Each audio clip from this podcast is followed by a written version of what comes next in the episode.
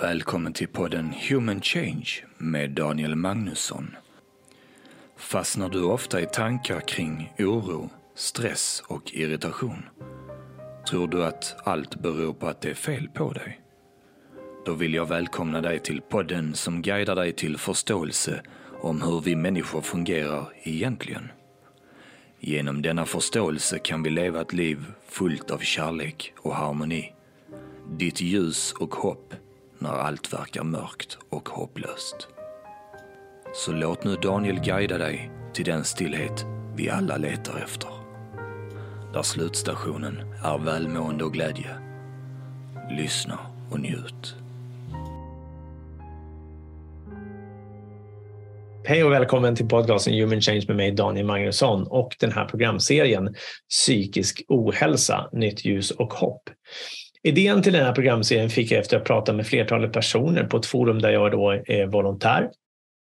Personerna som tar kontakt, vänder sig till det här forumet, mår oftast väldigt dåligt eller känner sig ensamma och jag kände att jag vill på något sätt skapa en resursbank i ljud och videoform där fokus är då psykisk ohälsa och eh, min förhoppning är på något sätt att kunna skapa eh, nya perspektiv och ett nytt ljus runt det hela.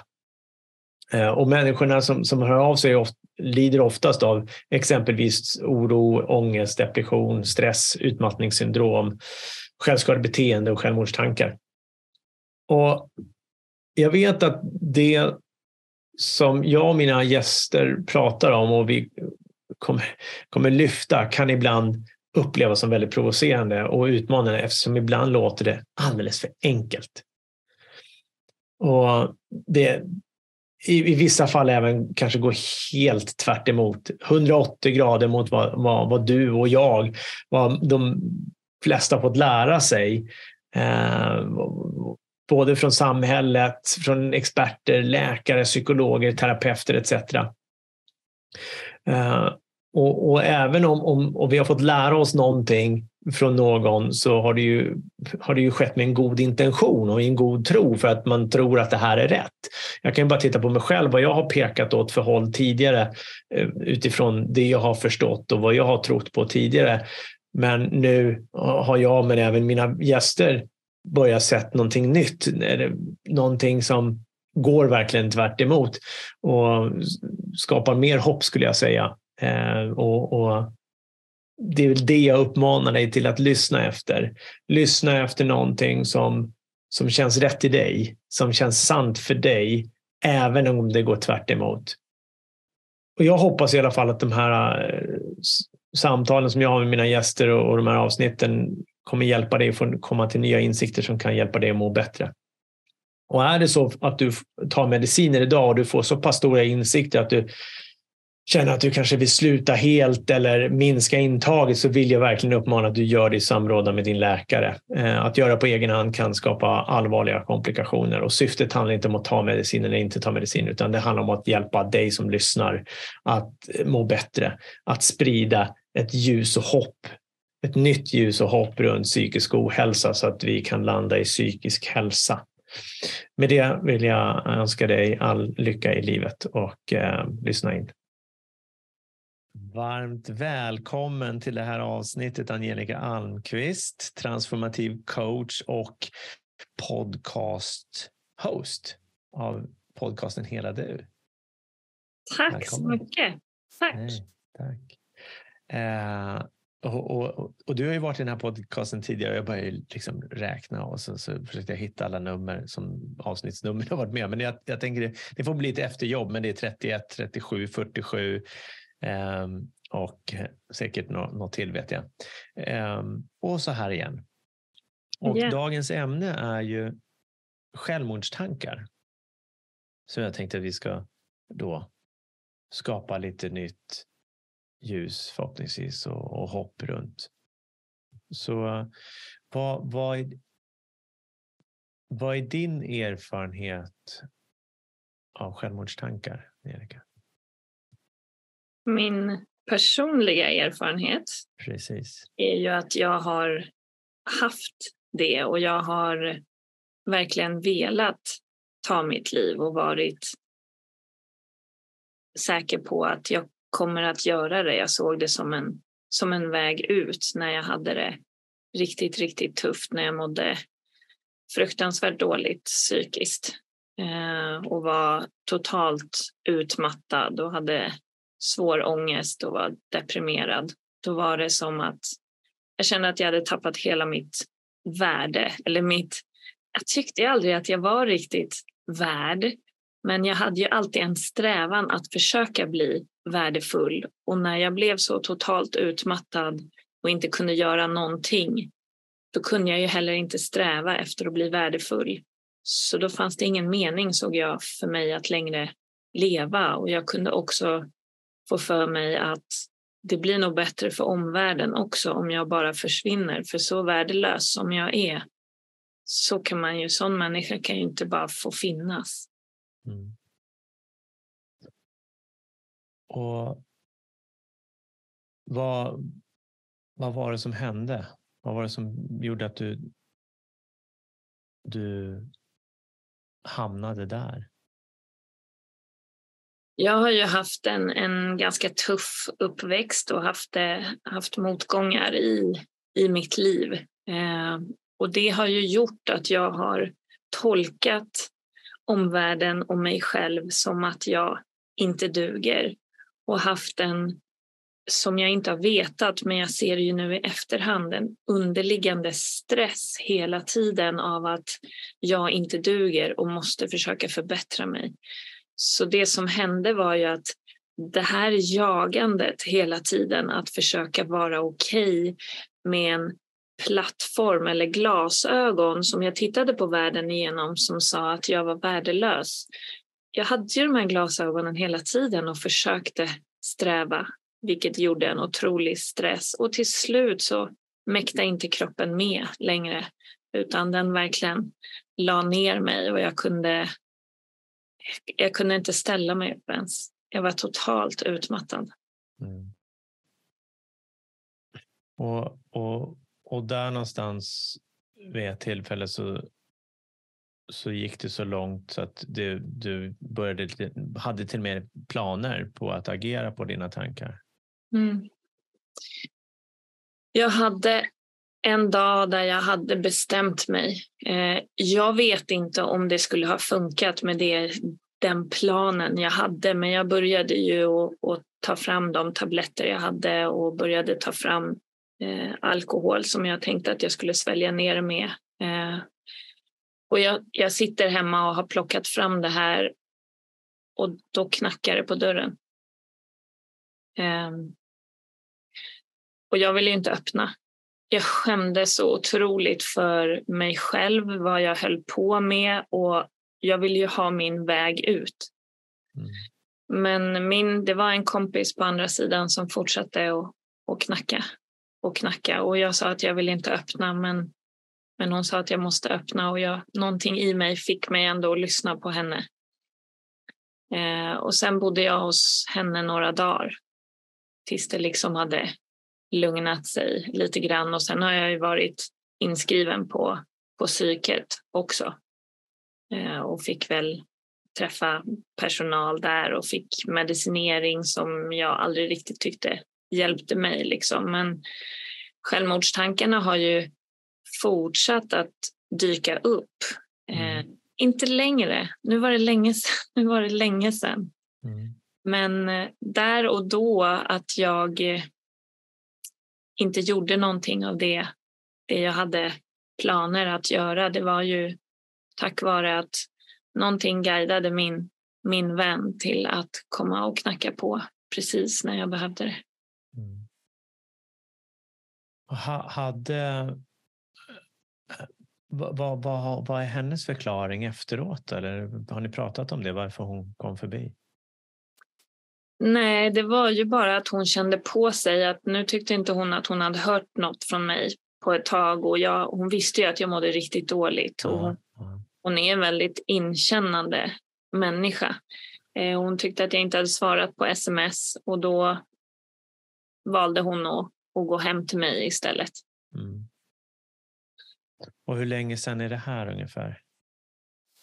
Det här är väl, det måste vara 10-11 år sedan nu. Mm.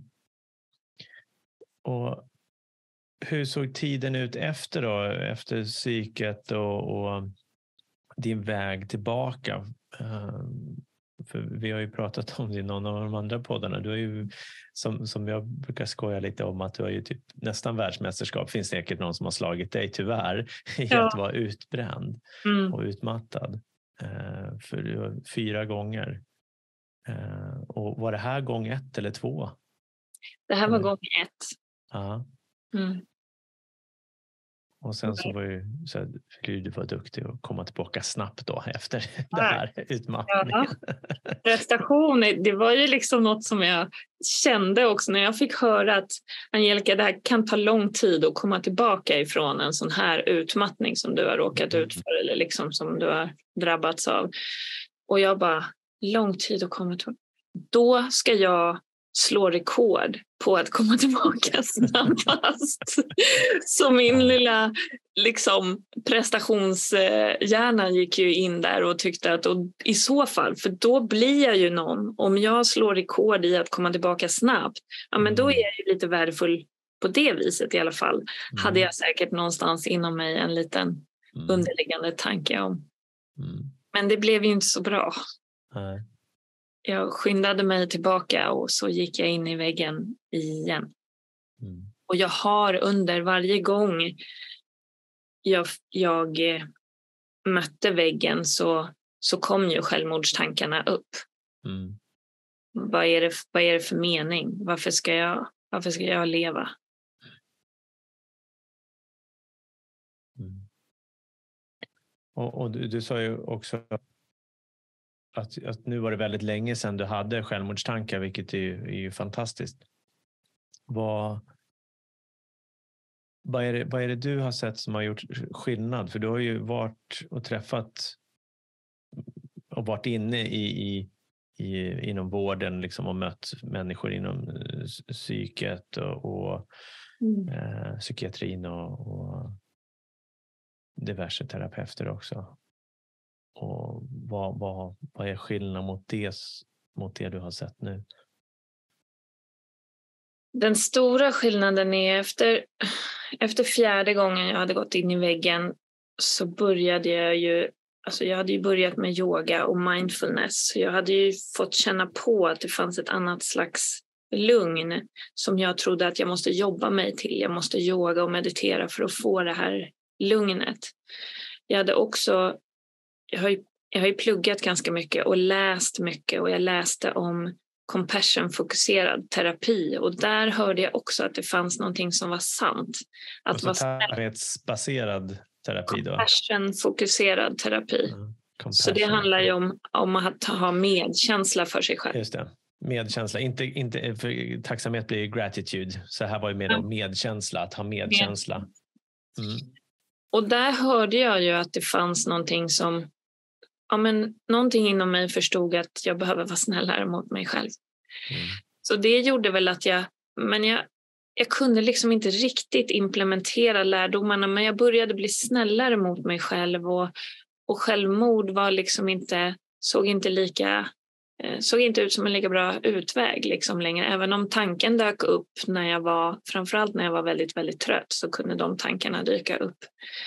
Men då började jag väl inte, jag tog det inte på lika stort allvar då, för jag hade börjat se att man ska vara snäll mot sig själv. Men framför allt var det ju för, för drygt tre år sedan då jag verkligen fick höra att välmåendet som jag har sökt hela mitt liv, att bara få må bra, att bara få må bra, det hade jag inom mig redan. Det var medfött. Och jag hörde det på ett djup som gjorde att jag förstod att mitt sökande var över. Och jag fortsatte, det här var ju jättespännande för mig, så jag, jag har ju varit lite nördig när det gäller psykologiska överhuvudtaget och alltid nördat ner mig i det. Men det här vart ju, det här måste jag veta mer om. Och jag hade hört tidigare med, med mindfulness och med yoga att tankar inte är sanningar. Men tankar var hela min värld.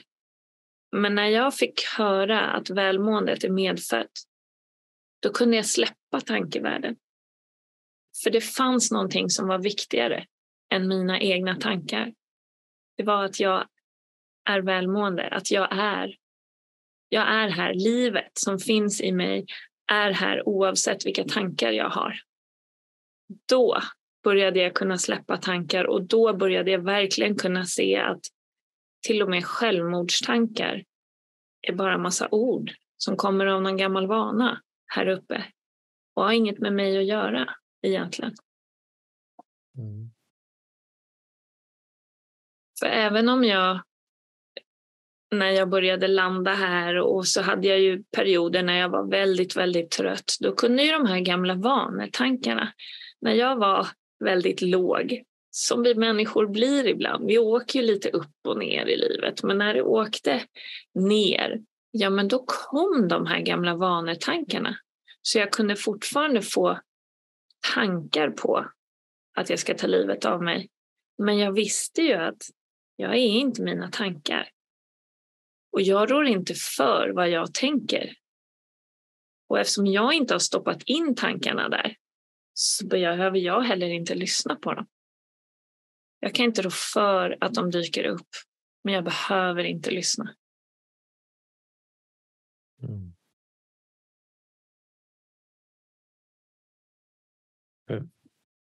För det är någonstans där vi... Det är, det är lätt att säga så här. Mm. Det är lätt att säga att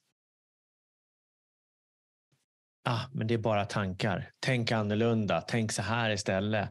Mm. Uh, och, och, någonstans tankar är tankar och, och så blir det ju fortfarande, det ju, som du sa också, det är ju, det är ju, det är ju, det är allt jag har. Eller det, det är ju, mm. de är ju där hela tiden. Uh, och vi är uppväxta med dem.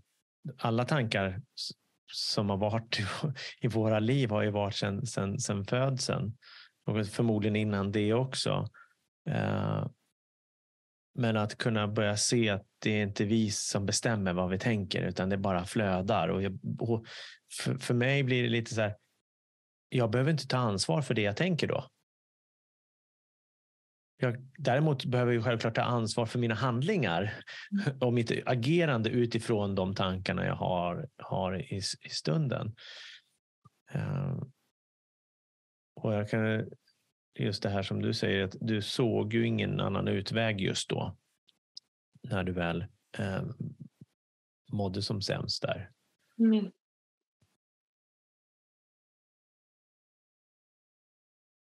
Och det är väl ganska lätt att förstå att, att det känns väldigt instängt och svårt och det finns ingen annan lösning på det. Mm. Vad, vad, vad, tänker du runt det? När man är där riktigt i, i, i mörkret så att säga. Ja, men när vi tror att vårt värde ligger någon annanstans. Att vi tror att det ligger i vem jag borde vara eller vad jag presterar eller vad andra tycker om mig. Om jag tror att mitt värde ligger någonstans där ute och det känns som allt där ute raserar, då är det inte så konstigt att vi får för oss att det är ingen idé längre. Men om vi börjar bli mer nyfikna på det i oss som alltid är här, oavsett vad, vilka tankar jag än har så finns det någonting i mig som ser de här tankarna. Vad är det för något? Det finns alltid här. Att jag är medveten om mina tankar, det är något som jag har varit hela mitt liv. Men mina tankar är inte medveten om mig.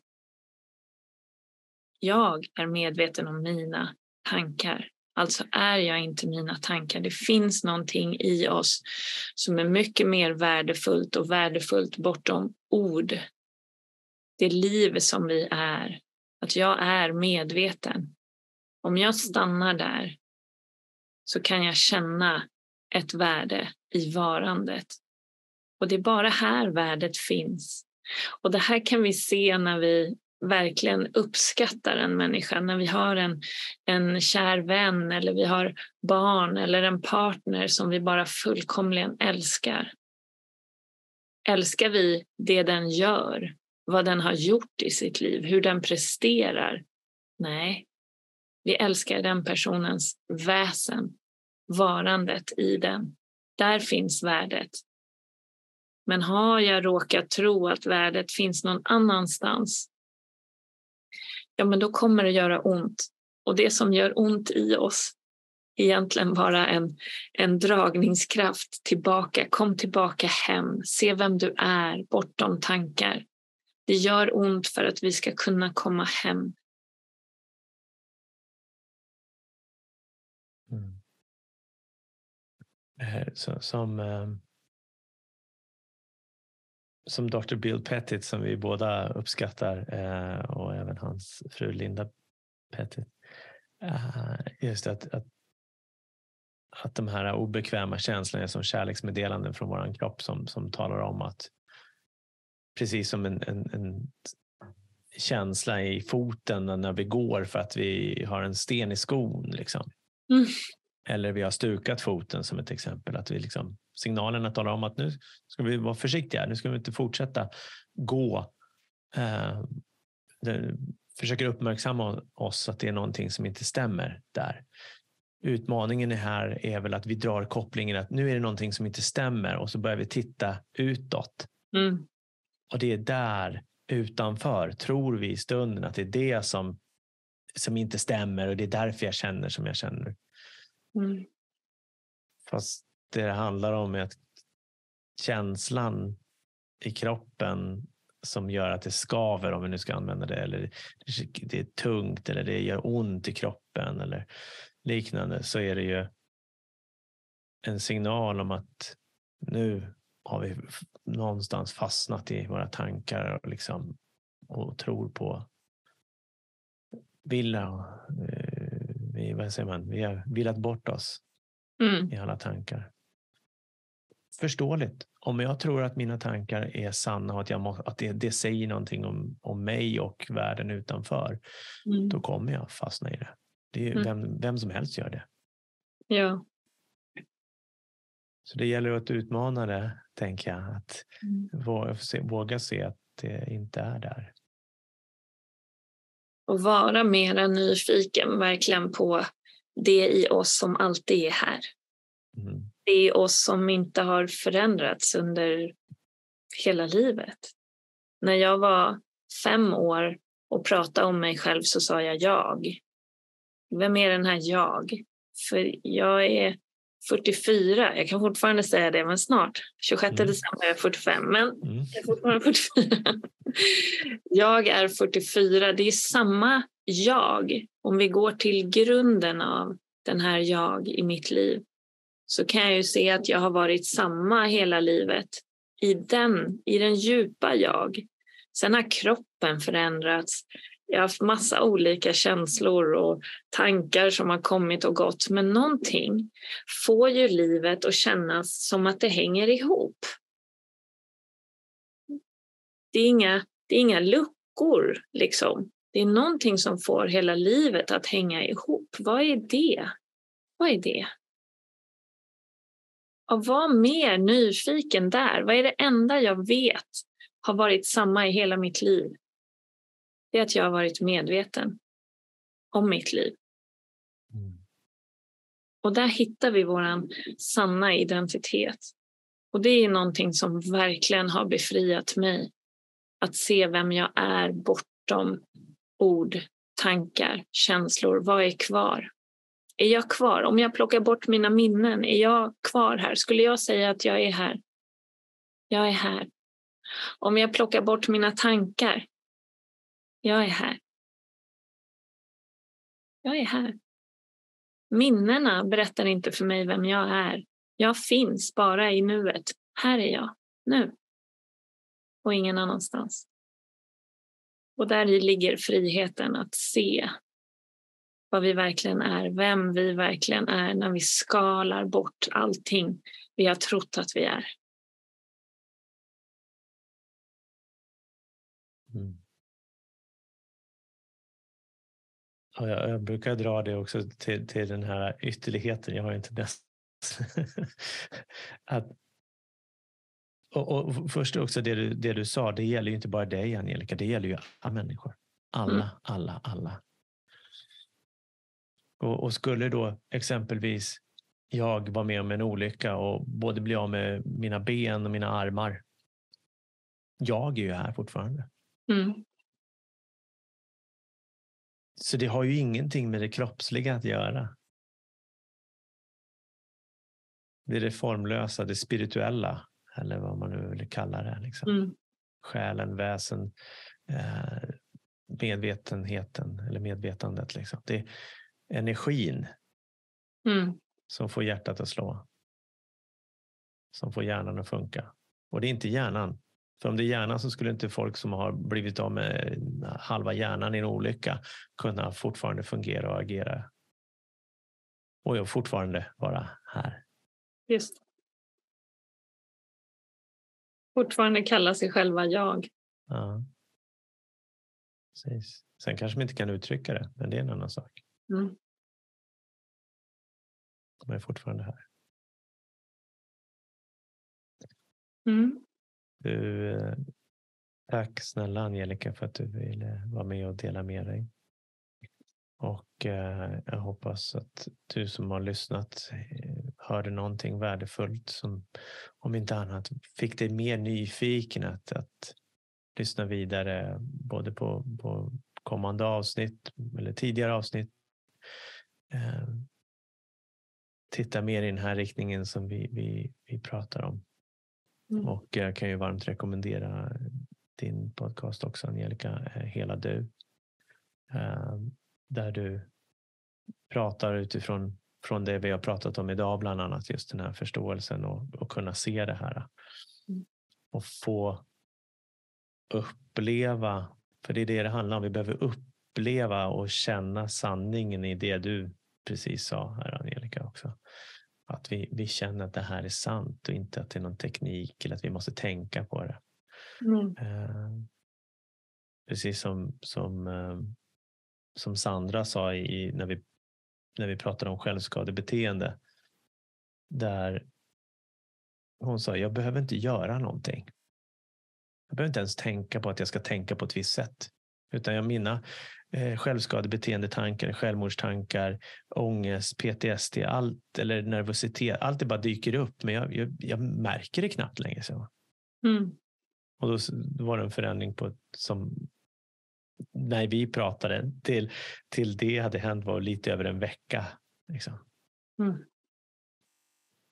Och bara det är ju helt fantastiskt. Det visar ju verkligen på vilken potential vi har i det här formlösa, vårt psyke som är formlöst. Det är, det är formlöst, vi kan inte forma det Nej. egentligen. Och det finns en potential att, att kunna släppa allt. Mm. Och Daniel, tack så jättemycket för att jag fick vara med här och tack för ditt fina initiativ att göra det här. Tack, tack, tack. Och med det så eh, önskar jag dig en fin dag och all lycka som jag brukar säga. Och eh, även till dig som har lyssnat. Tack för att du har lyssnat på det här avsnittet. Är det så att du uppskattar den här podcasten så får du självklart dela den vidare till dem du tänker kan ha ett behov av att lyssna på den. Det finns också en möjlighet för dig att boka in sig på ett kostnadsfritt coachingsamtal med mig. Det finns inga förbehåll att du måste ha tankar om att bli coachad utan du kanske har en frågeställning bara så här, det här skulle vara intressant att bolla med Daniel. Så kan jag hjälpa dig på något sätt så gör jag det mer än gärna. Skicka frågan till mig på daniel humanchange.se. På hemsidan hittar du även videokursen Nyckeln till stressfrihet. Det är en videokurs som jag tillsammans med Angelica Almqvist har skapat och det är ett program då för dig som vill ha ett stressfriare liv. Och några vanliga effekter som man kan se eh, efter den här är då minskad stress, oro, frustration och psykisk ohälsa, ett ökat lugn, välbefinnande, sinnesro med mera. Tack!